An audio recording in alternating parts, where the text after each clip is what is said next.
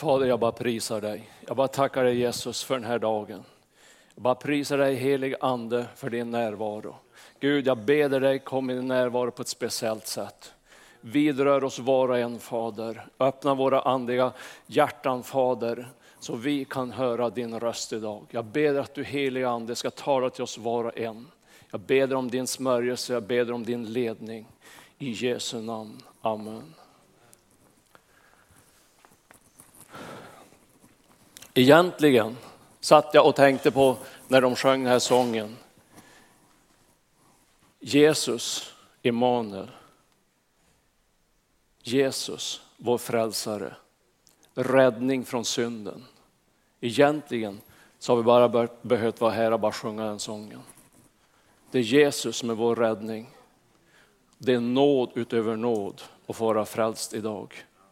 Att få vara renad i Jesu blod. Att få vara på väg till himlen.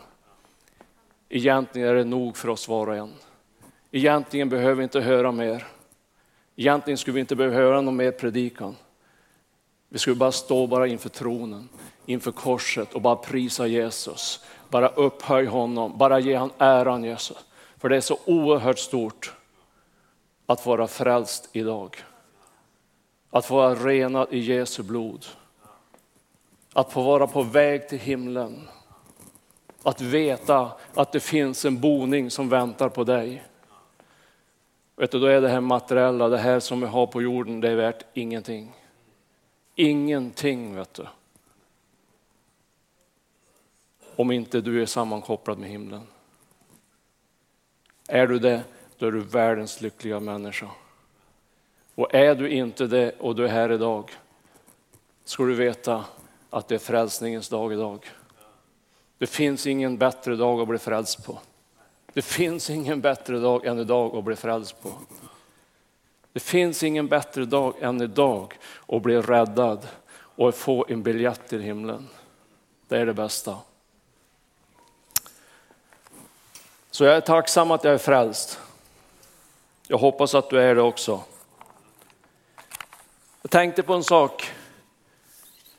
Är du trött eller är du pigg idag? Är du på alerten idag eller är du lite degig idag? Jag vet inte hur du känner det. Men erfarenheten säger att livet går uppåt och livet går neråt. Idag, ibland är man gladare, ibland är man surare, ibland går det tyngre, ibland går det lättare.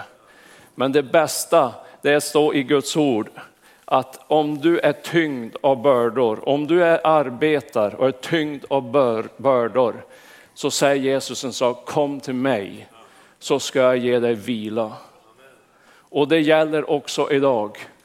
Det kanske du har jobbat så du är trött fysiskt, men du kan också vara trött i hjärnan. Mentalt kan du vara jättetrött. Men det finns en vila för dig idag. Det finns en frid för dig idag. Och det är så skönt att veta att du kan komma till Jesus och få frid i hjärtat och få vila från dina bördor som du kämpar och, och jobbar med. För det kan vara kämpigt ibland. Det kan vara jobbigt ibland. Det är lika för oss var och en. Du behöver inte tänka att du är unik på något sätt och tänka det är bara jag som har det jobbigt, det är bara jag som kämpar. Nej, i den situationen kan vi komma allihop. Men det finns en vila, det finns en frid. Det är bara en sak du behöver göra och det är bara att lyda vad Guds ord säger. Kom, säger han. Kom till mig bara. Det är bara liksom kravet du har på det. Jag tänkte så här att jag tänker att du talar lite grann över att du har en kallelse på ditt liv. Du har två viktiga kallelser på ditt liv. Egentligen så tror jag att du har många fler kallelser, men det finns två viktiga kallelser som gäller ditt liv. Och vet du vad det är för någonting? Det är mission och det är att bygga församling. Det är jätteviktigt för en troende. Om du vill växa andligt, om församlingen vill växa andligt, då måste det två saker ha prioriterat ditt liv. Och eh, vad handlar det om egentligen? Det handlar om att vara ivrig. Det, handlar, det står jättemycket i Bibeln om att vara ivrig av olika, på olika områden. För Gud vill inte att du och jag ska sitta stilla på en stol och bara sitter bara och väntar. Händer det ingenting? Stefan Samuelsson brukar säga, händer det ingenting, händ själv. Och det ligger mycket i det. Om man kollar, liksom, om man läser alla bibelberättelser och allting, vill du se ett mirakel, vill du se ett under, vill du att Gud ska verka på något område, då ska du vara med i handlingen. Jag tänkte på Bartolomeus, den blinde mannen.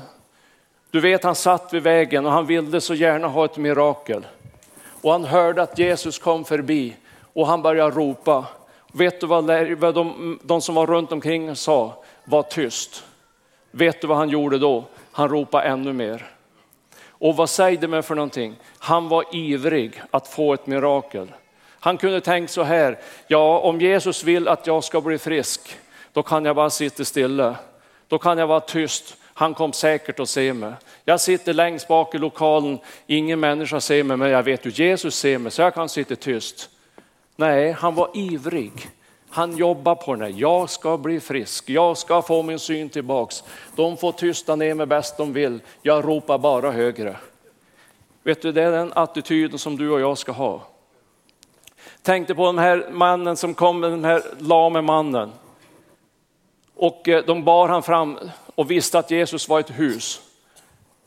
Men det var så mycket folk, de kom inte in. Vet du vad de gjorde?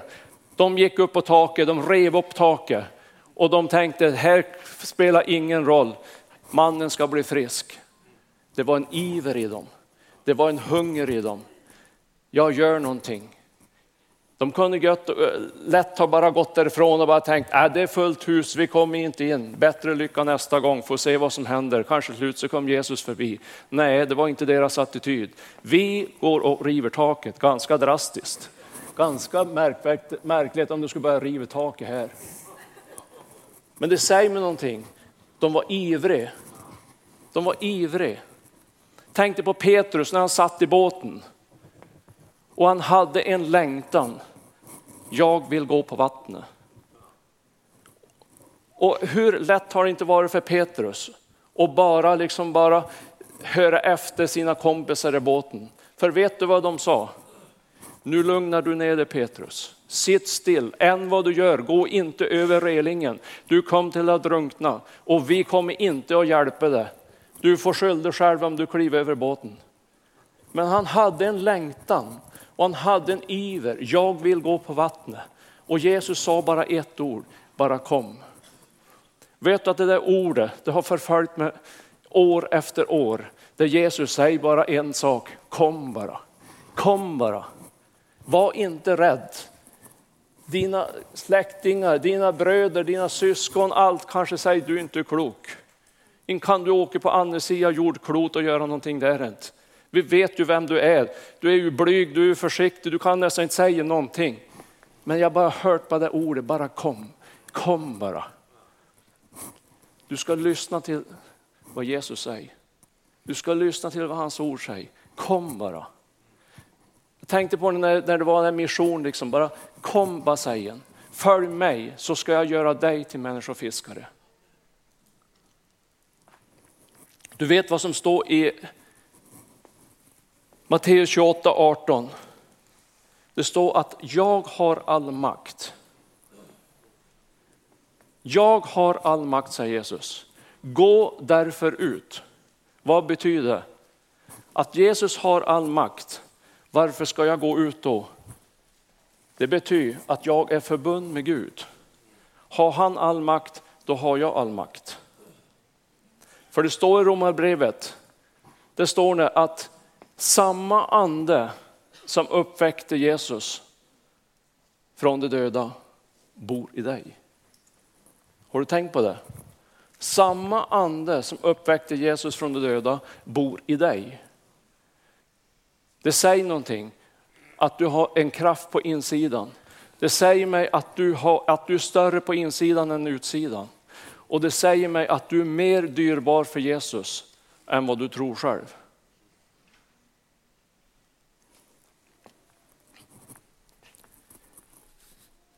Vi ska läsa från Johannes 14 och 12.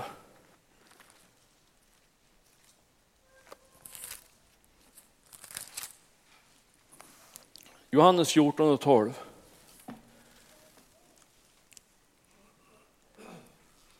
Står så här. Amen säger jag er, den som tror på mig skall utföra de gärningar som jag gör och större än dessa skall han göra.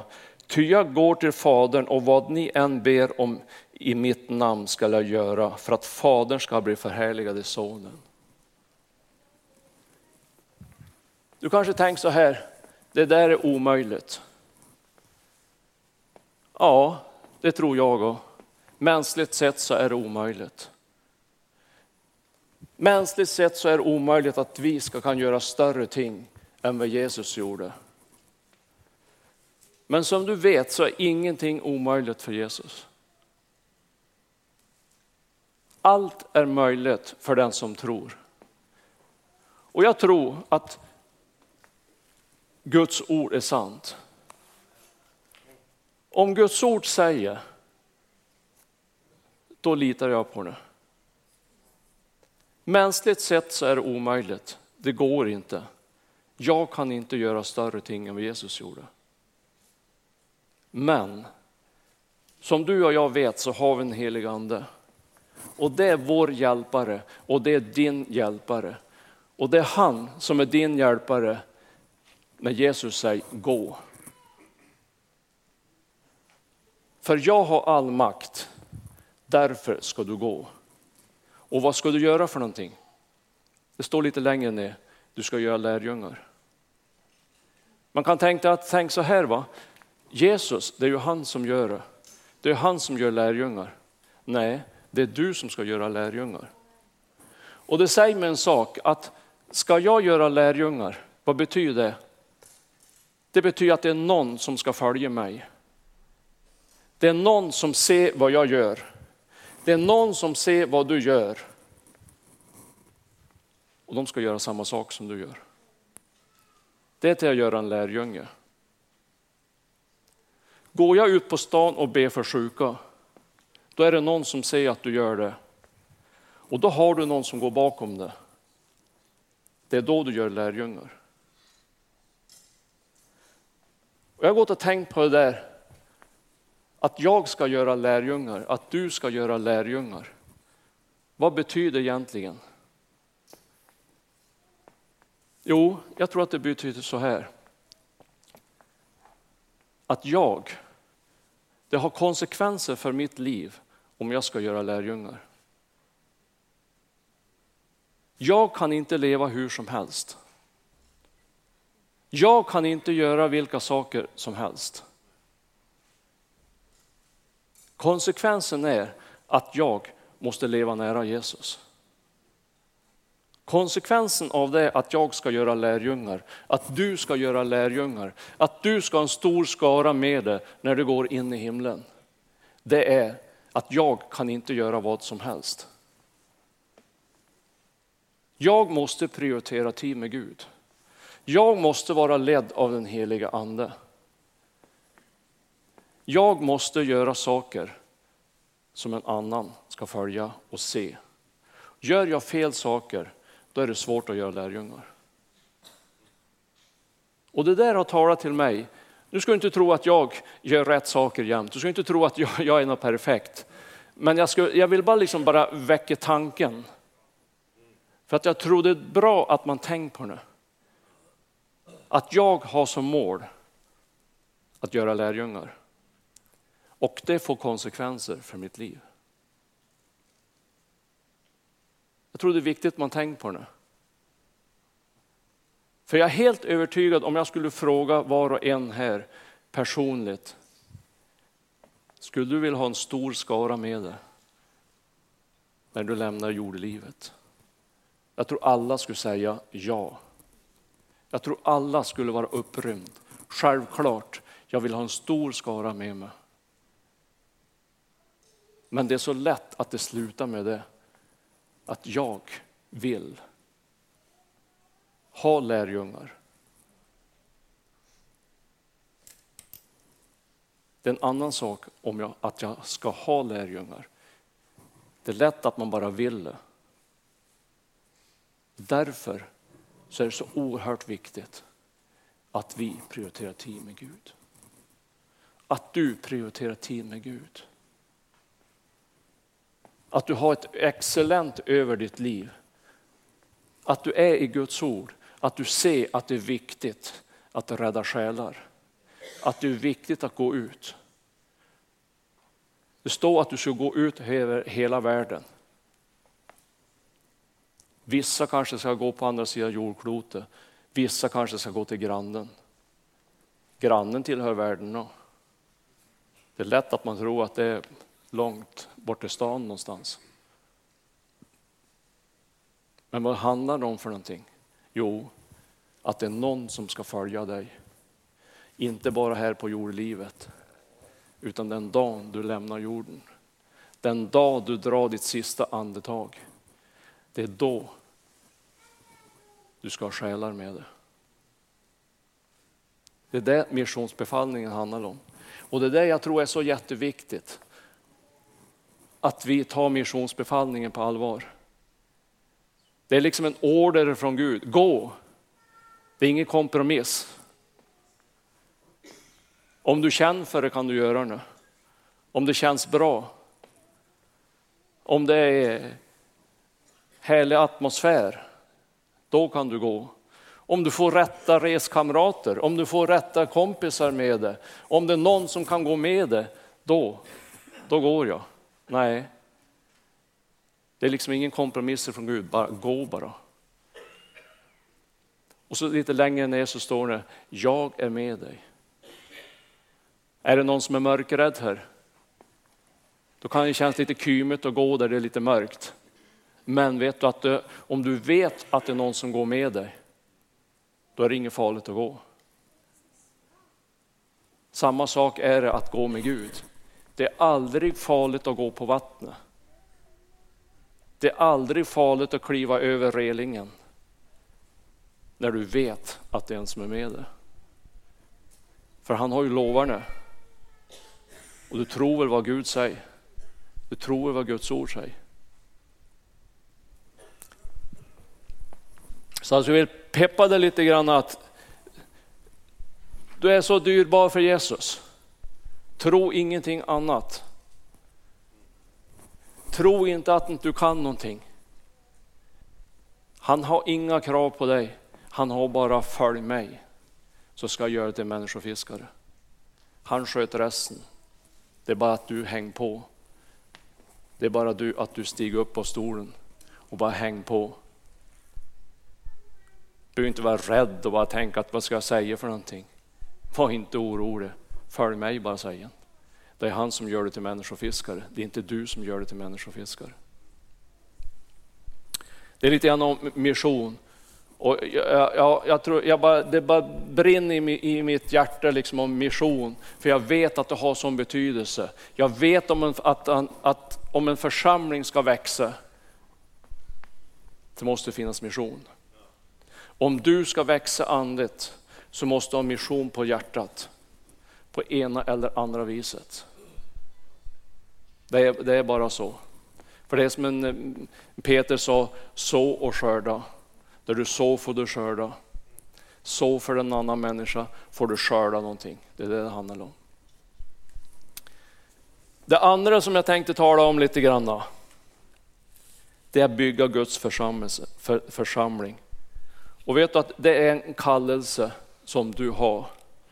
Varför kan jag säga att det är en kallelse du har på ditt liv? Jo, därför att du är en lem i Jesu kropp i Kristi kropp på jorden. Du är en lem. Och varje lem har en betydelse. Även om du känner dig som en lilltå och du tänker att det skulle nog fungera lika bra om inte lilltån suttit där. Men vet du, han har en uppgift också. Därför så är du kallad att bygga Guds församling. Därför har du en kallelse på ditt liv att göra en skillnad för en annan människa. Därför att du är en lem. Det är enda orsaken. Sen kan du tänka att den lemmen är betydelselös, den lemmen, men kanske du tänker någon annan än, jag är väldigt betydelsefull. Jag, jag är ju huvud egentligen. Men inför Gud vet du, så har varje lem samma betydelse. Och hur bygger man församling? Kanske inte så lätt att svara på. Det kanske du kanske har funderat på lite grann. Jag funderar lite grann på det och jag tänkte, jag tror att det är så här. Det är ungefär som att bygga en stark familj. Församlingen, det är ju liksom ditt hem, ditt andliga hem. Det är ju som en, du ska känna dig som en familj här. Och jag hoppas att du gör det, att du känner att du är med i familjen.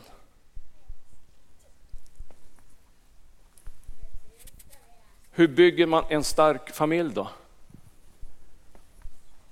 Ja, du kan inte göra varje fall som en förlorade sonen. Nu känns det inte riktigt bra, nu drar jag iväg. Det var det han gjorde. Han tog liksom inte sitt ansvar att stanna hemma, utan han drog iväg och tänkte det är nog grönare på andra sidan. Det är nog lite bättre. Jag tror inte man bygger en stark familj då.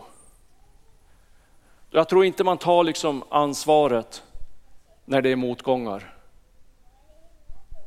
För det kan vara motgångar i familjen. Det kan vara jobbigt i familjen. Du kanske, det är kanske jobbigt mellan makarna. Det kanske är jobbigt med barnen. Men du måste stanna kvar. Om det ska finnas en chans att familjen ska bli stark. Men du kan samtidigt inte göra som den hemmavarande sonen heller. Han byggde inte heller familj, äh, byggde någon stark familj. Vad gjorde han för någonting? Han gick bara och gnällde. Han trodde att det här tillhör inte mig. Jag äger ingenting i den här familjen.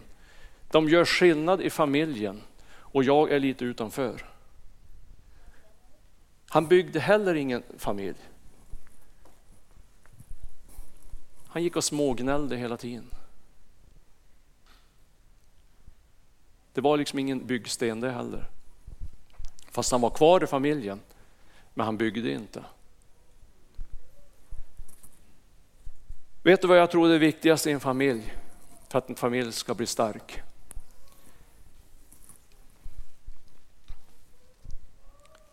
Vill du bygga, jag skrev så här, vill du bygga en familj så tror jag man måste vara hemma, göra det praktiskt arbete som behövs. Det är ett arbete att bygga en familj. Det går inte själv. Och några viktiga byggstenar i det, vet du vad det är? Det är uppmuntran, det är stötta, det är coacha och det är bara att vara medmänniska. Det är saker och ting som alla kan göra. Det är saker som du och jag kan göra. Allihop klarar av det. Det är bara huvudsaken vi gör det. Och då tänkte jag så här, om man ska överföra det här på församlingen. Hur gör man det i församlingen då? Ja, det är någonting som har lagt, Gud lagt på mitt hjärta i många, många år, men jag har aldrig sagt det, jag har aldrig predikat över det, jag har aldrig nämnt det någonting. Men jag tror att det är så jätteviktigt med de andliga nådegåvorna i församlingen. Ska du ha en stark församling så tror jag att de andliga nådegåvorna måste fungera mycket, mycket mer än vad de gör idag. Jag säger inte att inte nådegåvorna fungerar, men jag säger att de skulle kunna fungera starkare. Jag tror att det är så viktigt. För ska du orka med och bygga en församling, du ska uppmuntra, stötta, coacha. Då måste du vara smord med den heliga Ande. Då måste de andliga nådegåvorna fungera. Det står så mycket om nådegåvorna att de är så viktiga. Vi ska läsa från första kor 14, ska vi börja med.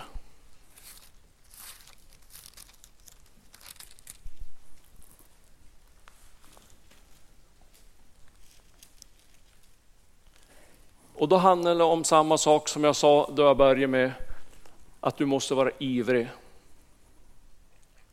Du måste vara ivrig. Det står så här i vers 12. Eftersom ni är ivriga att få andens gåvor, sök då att överflöda, att i överflöd få sådana som uppbygger församlingen. Du ser, nådegåvorna är till för att bygga upp församlingen. Och du ska vara ivrig att söka dem. Ja, men nådegåvor ges ju av nåd. Kan jag påverka det? Kan man ju tänka. Kan jag vara ivrig att söka en nådegåva, då är det ju liksom inte nåd. Då har jag ju liksom jobbat för det. Det är ju lätt att man kan tänka så. Men vet du, jag tror den största fighten, det sitter här uppe. För det står att vi ska vinna nådegåvorna. Jag tror den största, största orsaken att vi inte har nådegåvor, det är därför att vi inte vunnit över vårt sinne. Vi tror att de är inte till för mig. Då vi tror att de är för någon annan som är mycket mer helig än mig, som är mycket mer gudfruktig än mig, som är mycket mer smord än mig. Men de ska få se ett bibelord till, ska du se vad som står. Första kor 12 kan vi läsa. Och vers 7 står det så här. Du kan läsa från vers 6. Det finns olika slags kraftgärningar men Gud är densamme. Han som verkar allt i alla. Allt i alla. Nådegåvorna kan verka i alla, står det. Inga utvalda, inga speciella, ingen är mer för någon annan. Och så står det så här. Men hos var och en uppenbarar sig anden så att det blir till nytta. Nådegåvorna är till för att vara till nytta, till uppbyggelse av församlingen. Det är inte en bekräftelse på att du har varit duktig inför Gud. Det är inte en bekräftelse på att du är smord av Gud. Det är inte en bekräftelse på att du gör rätt saker. Det är inte därför du har en nådegåva. En nådegåva har du för att vara till nytta och uppbyggelse för församlingen. Det är så det står.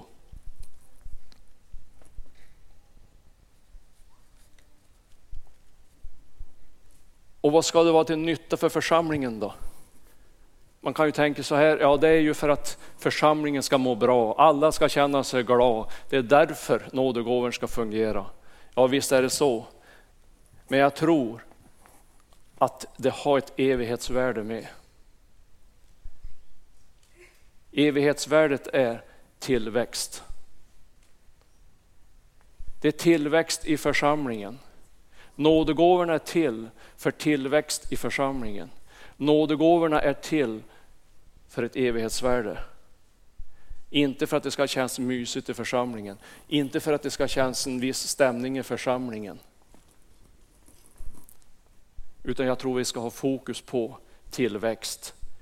Det evighetsvärde, det är det vi ska ha blicken på när vi söker de andliga nådegåvorna.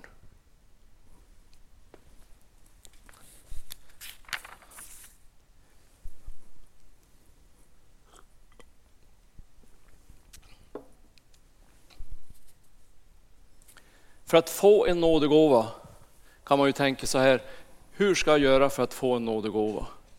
Hur ska jag få det? Nummer ett skulle jag vilja säga så här, Nummer ett, det är att du vill. Nummer ett är att du har en vilja. Jag tror inte Gud kastar en nådegåva över någon människa. Jag tror inte Gud liksom bara trö på dig, du ska ha en nådegåva. Du måste vilja själv. Du måste ha en längtan. Du kanske måste ha en dröm. Du kanske måste ha en hunger i ditt hjärta. Gud, jag vill ha en nådegåva. Gud, jag vill se till att församlingen växer. Gud, jag vill se till att jag kan vara till nytta för någon annan människa. Det är det som är drivkraften.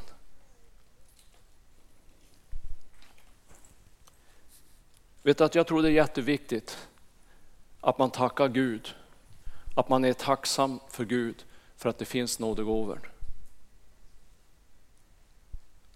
Man brukar ju tacka Gud, man brukar tacka en annan människa när du har fått någonting. Vet du att det gör man av tacksamhet. Då tackar man Gud. Tack gode Gud för att jag fick det. Tack gode Gud för det. Tack för att du gav mig det och det. Då, ge, då tackar man utifrån att man är tacksam. Men vet du en sak?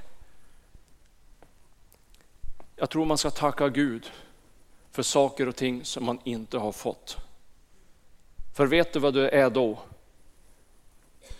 Då är det tro.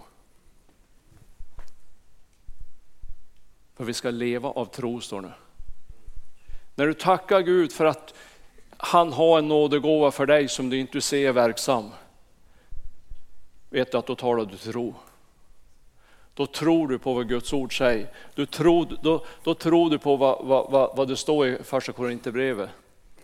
Att du kan vara till nytta för en annan människa. När du tackar för någonting innan du har fått det, det kallas tro. Och vi är ju troende, eller hur? va? Och nådegåva, den ges ju av nåd. Det står ju klart och tydligt. Det är ju nåd utöver nåd. Jag tror det är viktigt att man, att man liksom poängterar det lite grann, att det, det är nåd. Det är ingen som har, bara för att du har gått mycket på bönemöte. Det är inte för att du gör si eller så, för då är det inte nåd. Utan det är bara ren, ren nåd att Gud vill använda dig. Och det är bara det frågan är, gensvarar du på det? Gensvarar du på det?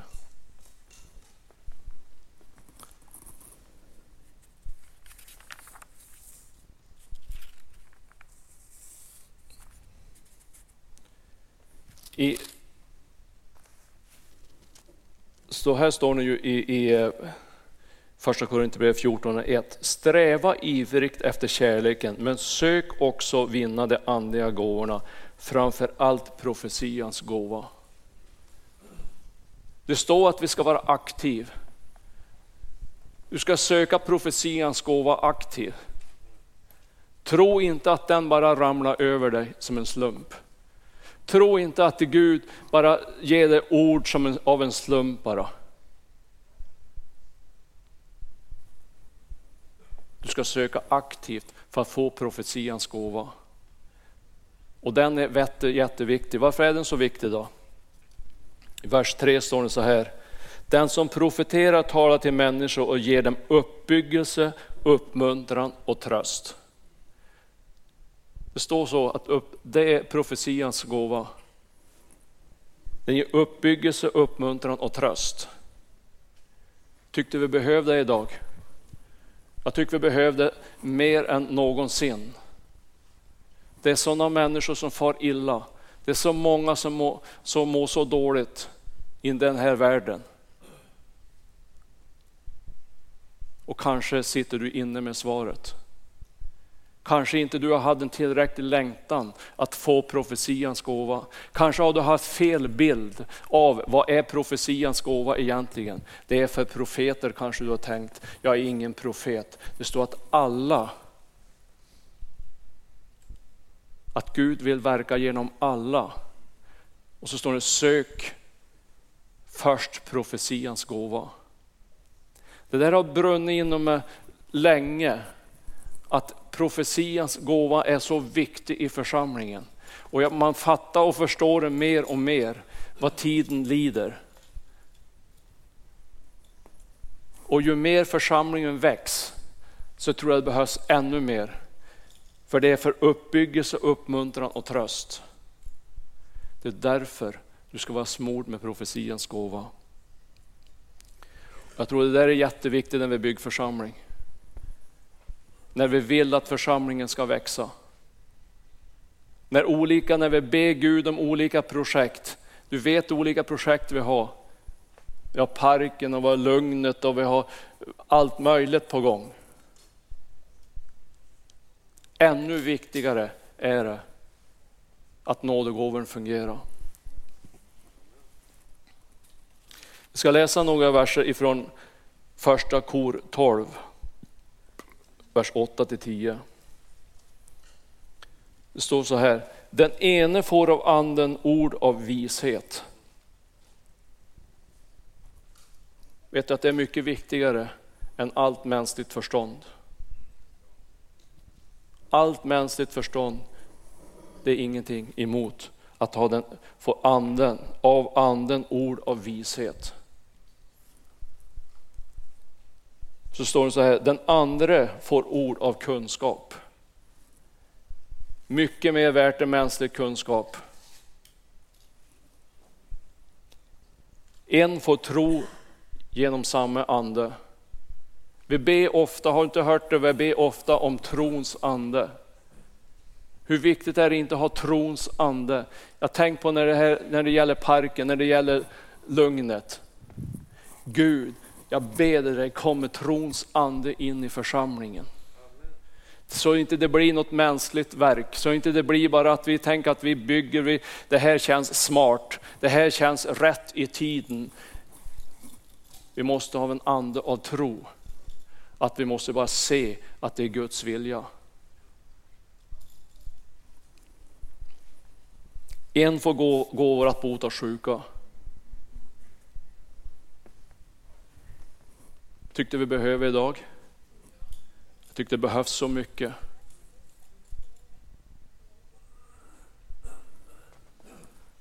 En annan att utföra kraftgärningar.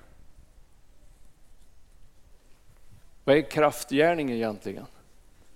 Jag tänk på det. Att om en sjuk blir frisk, om en död reses upp, är inte det en kraftgärning? Jag tror det är ungefär samma sak. Det är en kraftgärning. Det är en gärning som ser att det finns kraft i Guds ord. Det finns en manifestation som bevisar att Gud lever idag. Jag är så glad för Jonathan som är ute på stan någon gång nu och då. Det behövs ännu fler som är ute på stan och visar kraftgärningar. Att visa att det finns kraft i Gud. Att det finns någonting. Det är inte bara som vad som helst, hokus pokus. Nej, det finns kraft i Guds ord. Det finns en som kan ha ont i ryggen som är ute på, nere vid kajen som kan bli helad. Det behövs ännu mer i församlingen. Att vi går ut och visar kraftgärningar.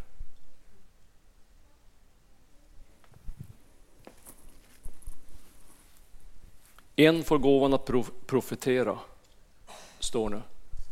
Jätteviktigt. Det är bättre än, än eh, all mänsklig förutsägelse. Alla prognoser på börsen, det är alla prognoser hit och dit. Nej, profetiskt ord från Gud. Det är det som gäller. En får gåvan att skilja mellan andar. Jätteviktigt. Det är så mycket som surrar. Det är så mycket okult. Det är så mycket new age. Det är allt möjligt. Vi måste veta på vad vi tror. Vi måste veta glasklart. Det får inte vara något flummigt. En får gåvan att tala olika slags tungomål, en annan att uttyda. Jag tror det är ungefär som att visa på kraftgärningar. När en talar tungor, en annan, profeter, eh, en annan uttyder. Alla kan vi tala tungor. Jag tror det där är en speciell gåva och jag tror vi behöver den som aldrig förr. Jag tycker det känns precis som att församlingen behöver alla dessa gåvor. Det är inga, ingen liksom att det är någon, liksom någon eh, falang till höger eller till vänster eller någonting. Jag tror det måste genomsyra hela församlingen. Ifrån pastorer till, för, till, till styrelsemedlemmar, till ledare, till vanlig en som aldrig bara går på möten, sitter i kafeterian eller någonting. Det gäller alla och det måste genomsyra oss allihopa. Förstår ni så här att det finns olika slags kraftgärningar men Gud är densamme, han som verkar allt i alla. Då är ingen för mer än någon annan. Vi är på samma nivå inför Gud. Och det bästa utav allt, du är kvalificerad. Du behöver inte tveka på det, att inte du är kvalificerad till att utföra kraftgärningar, till att bota sjuka, till att profetera, att ha kunskapens ord, ha en ande av tro. Du behöver aldrig tvivla på att du är kvalificerad. Det är, bara liksom, det är en fråga som jag vill bara ställa dig idag. Vill du gå den vägen? Vill du vandra i den heliga Ande? Efter hans vilja, efter hans ledning. Jag tror om vi skulle ta tag i det här ännu mer, om vi skulle börja söka ivrigt som det står, var ivrig. Var ivrig, var inte slö. Motsatsen till ivrig är att vara slö. Var inte förnöjsam där du sitter just nu, utan var ivrig. Gud, jag vill ha mer. Gud, jag har en längtan, jag vill se mer tecken. Gud, jag vill se mera kraftgärningar.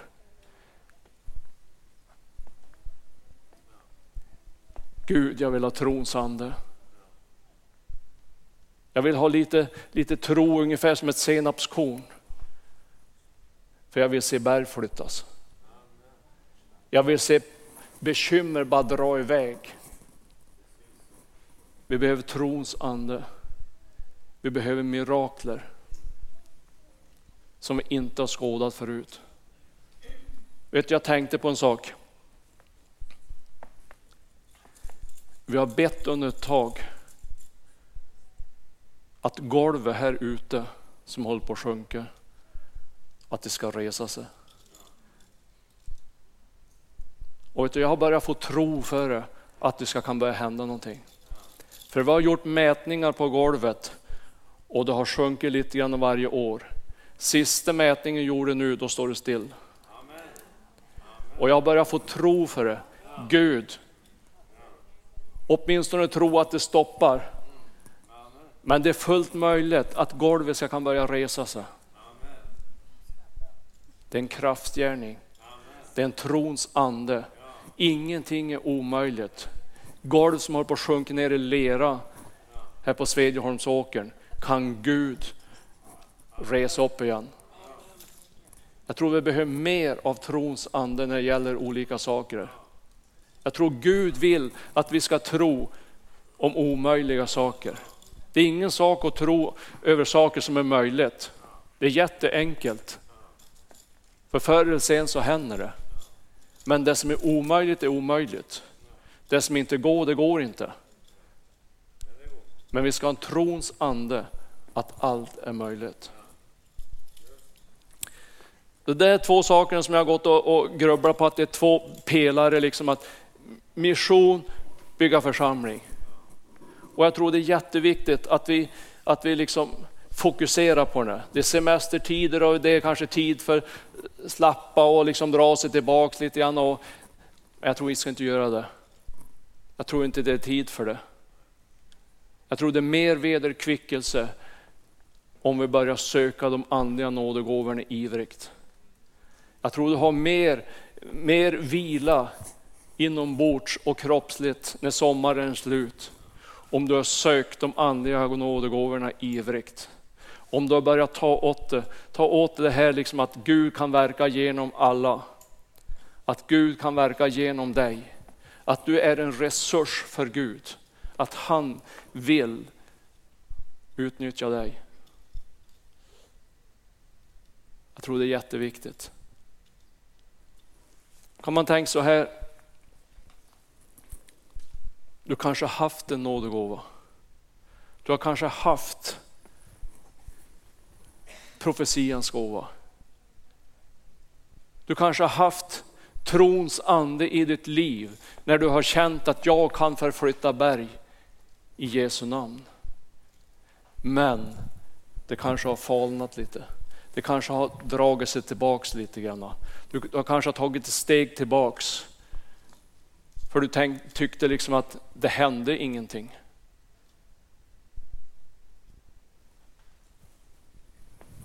Det står så här i andra tim 1. Låt gåvan flamma upp igen.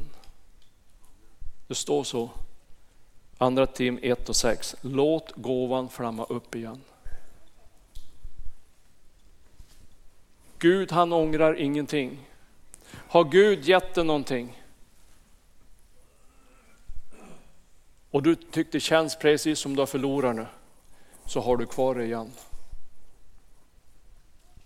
Det är bara om du vill aktivera det lite grann. Första Tim 4.14 står nu, försumma inte nådegåvan i dig. Försumma inte nådegåvan i dig. Du har en nådegåva, du har fått en nådegåva. Kanske någon har lagt händerna på dig, kanske någon har profeterat över dig, kanske någon har, har uttalat ord över dig. Och du vet att du har en nådegåva. Står det så här, försumma den inte. Var lydig, använd det Gud har lagt på ditt hjärta. Och vet du en sak? Det är bäst för dig själv. Du mår bäst på insidan. Jag har tänkt många gånger på Jona. Gud hade lagt någonting på Jonas hjärta. Att, han skulle, att Gud ville att han skulle predika i Nineve. Och, Gud, och Jona visste att det var Gud som talade till honom. Gud, Jona var fullt medveten, det här är Gud. Så kan det vara för du och jag också. Vi vet att det här är Gud. Men kan du, du säger så här, ja men jag tar ju inte avstånd från någonting. Nej, men du kanske sitter still. Du kanske inte stiger upp av stolen, du kanske sitter bara. Det är samma sak. Försumma inte nådegåvan Gud har lagt i ditt liv. Du är mer dyrbar för Gud. Han har inte lagt en nådegåva i ditt liv för att det ska vara stiltje. Det finns ett syfte. Och syftet är att du ska vara till nytta. Till uppbyggelse. Till uppmuntran. Till hjälp för en annan. Det är det Gud har lagt på ditt hjärta. Det är det Gud har lagt på dig och det är det Gud vill att du ska göra. Men du kanske är här idag också och du, har, du känner liksom inte, ah, jag vet inte om jag har någon nådegåva, jag vet inte det. Det viktigaste är att du har en vilja. Så vill Gud ge dig vad ditt hjärta begär. Var ivrig att söka profetians gåva. Var ivrig, den är den största står det. Varför är den större än annan? Jo, Därför att den kan lyfta en människa som håller på att sjunka totalt.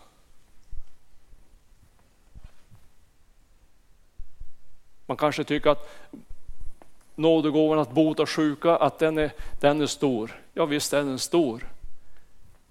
Men om du kan lyfta en människa andligt så är du mycket större. Han kanske håller på att sjunka totalt. Han håller på att gå under isen. Han håller på att förgås andligt sett. Han håller på att dö andligt sett. Men du kanske har ett profetord över honom. Så kan du göra skillnad mellan himmel och helvete. Men om du ber för en som blir frisk, så att han blir frisk, det är inte säkert att den tar den människan till himlen. Men har du ett profetord över en som håller på att dö, så kan du göra all skillnad i världen. Det är därför det står att profetians gåva är den största. Sök ivrigt efter den. Precis som Bartolomeus ropa Jesus förbarmade över mig. Jag gör vad som helst bara du helar mig. Den känslan skulle jag vilja ha på insidan. Gud, jag gör vad du vill. Bara jag får det du har tänkt för mig. För jag vill vara till nytta för en annan människa.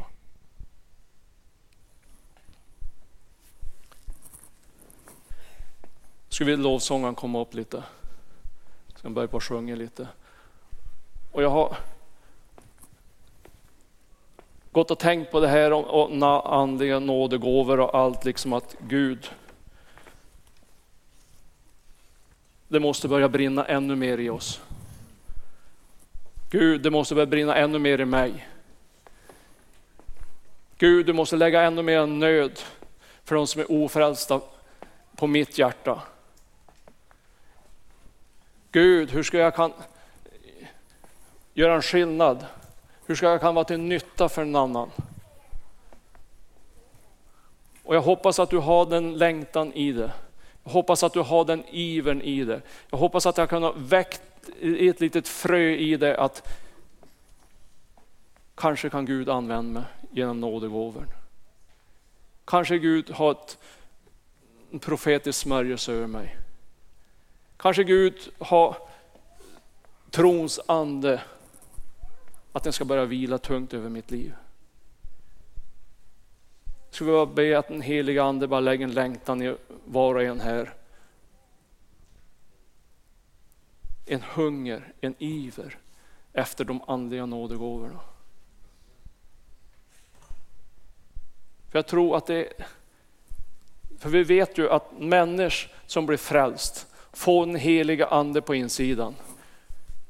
Du kan börja spela lite, Deborah. Det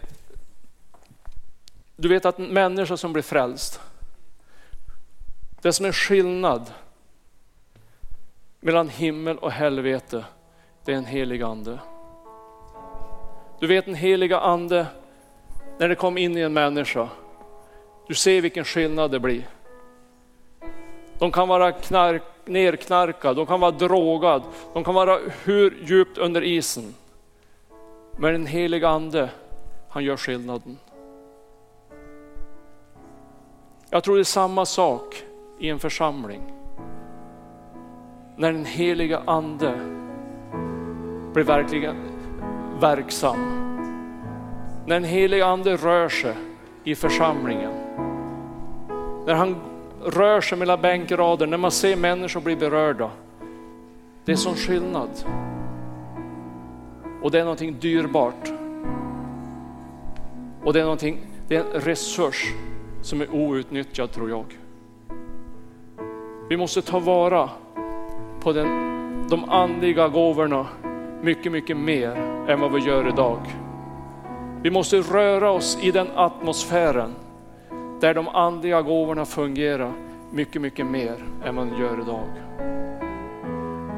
Det är så lätt att man förlorar fokus. Det är så lätt att man tar ett steg tillbaks.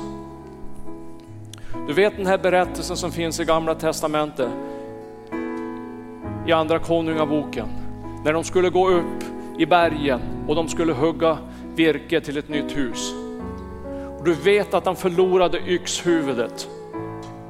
Det viktigaste vapen han hade, det viktigaste verktyget han hade, det flög av yxskaftet ut i floden.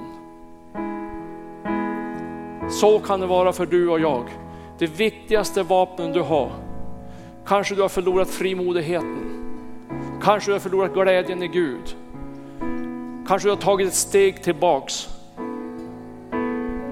när det gäller de andliga gåvorna. Vet du varför han förlorade yxhuvudet? Jag har kommit på nu varför han förlorade det. Du vet vad som händer med en yxa om du har en inomhus. Trädet krymper Yxan flyger iväg. Om du vistas i en andlig miljö som är alltför torr, då kan du förlora yxhuvudet. För det händer någonting med oss när vi vistas i en miljö som är för andligt torr. Det ska vara en helig andes smörjelse. Smörjelsen är lite fet, den är lite glättig. Den ser till att trädet sväller fast på yxan. Det är inget magiskt, det är inget märkvärdigt, det är ingenting du kan göra. Det är bara en kalla fakta, det är så. Det är så med yxan. Har du den inne i värmen där det är för torrt, då förlorar du den när du går ut och hugger.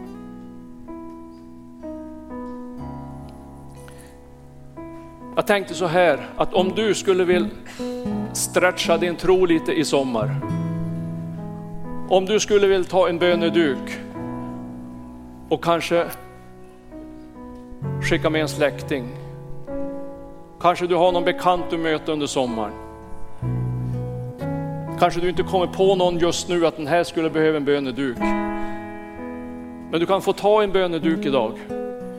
Du kan få lägga den i Bibeln och du kan få be över den. Och du kan tajma in rätt stund.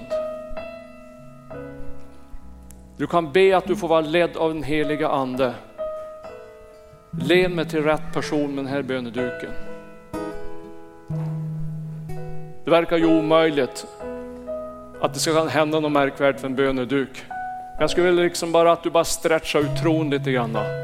Tro Gud att han kan verka genom en böneduk som du har bett över.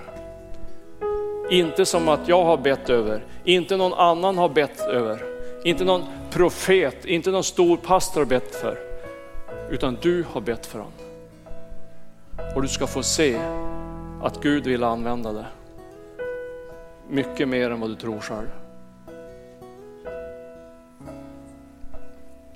Ska vi bara lägga böneduken här så innan du går hem idag så kan du ta en böneduk. Om du vill stretcha din tro. Om du vill vara, Gud jag vill vara ledd av dig. Jag vill pröva dig. Att du leder mig till rätt person. Och att det blir ett bönesvar på böneduken. Gud jag litar på dig. För du har sagt i ditt ord att ingenting är omöjligt för den som tror. Har du tro som ett senapskorn så kan du förflytta ett berg. Gud, jag vill göra anspråk på den tron nu. Gud, jag vill göra anspråk på den tron i sommar. För jag vill vara till nytta för någon. Jag vill vara till uppmuntran för någon. Jag vill vara till glädje för någon annan människa. Jag vill börja få fokus på evigheten. Gud, jag, jag vill ha fokus på himlen. Jag vill ha fokus på att det är många som ska följa med mig när jag lämnar jorden.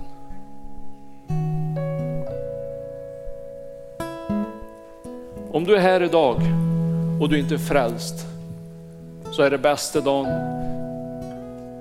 att bli frälst på.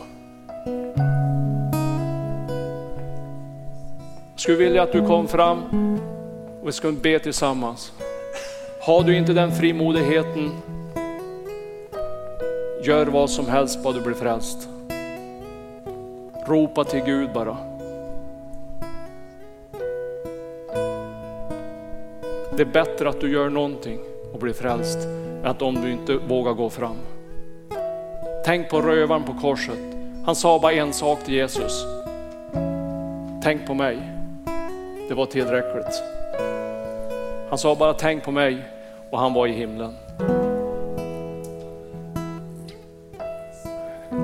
Är du här och du har haft en nådegåva och du känner att du har förlorat någonting. Skulle jag bara inbjuda bara till Gud vill ge dig en andra chans. Gud ger aldrig upp. Gud ångrar aldrig att han har gett dig en nådegåva. Gud är trofast även om du har svikit. Så jag vill att du bara kommer fram, ska vi be tillsammans. Eller kanske du känner att jag har inte nådegåva, kanske jag inte är andedöpt, jag kanske inte talar tungor, jag kanske försakar någonting. Jag vet inte vad du har för längtan, men om du har en längtan att komma närmare Jesus, om du har en längtan att göra en skillnad för en annan människa, om du har en längtan att vara till nytta, så jag vill att vi bara Be tillsammans. Vi är flera ena här som ska be för varandra. Och tänk inte att det är inget märkvärdigt eller någonting, utan det är bara det att jag har en längtan. Och Gud ger till, ser till de som är hungriga.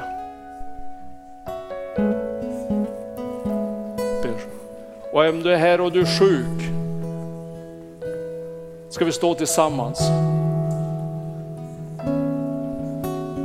För Gud är ingenting omöjligt.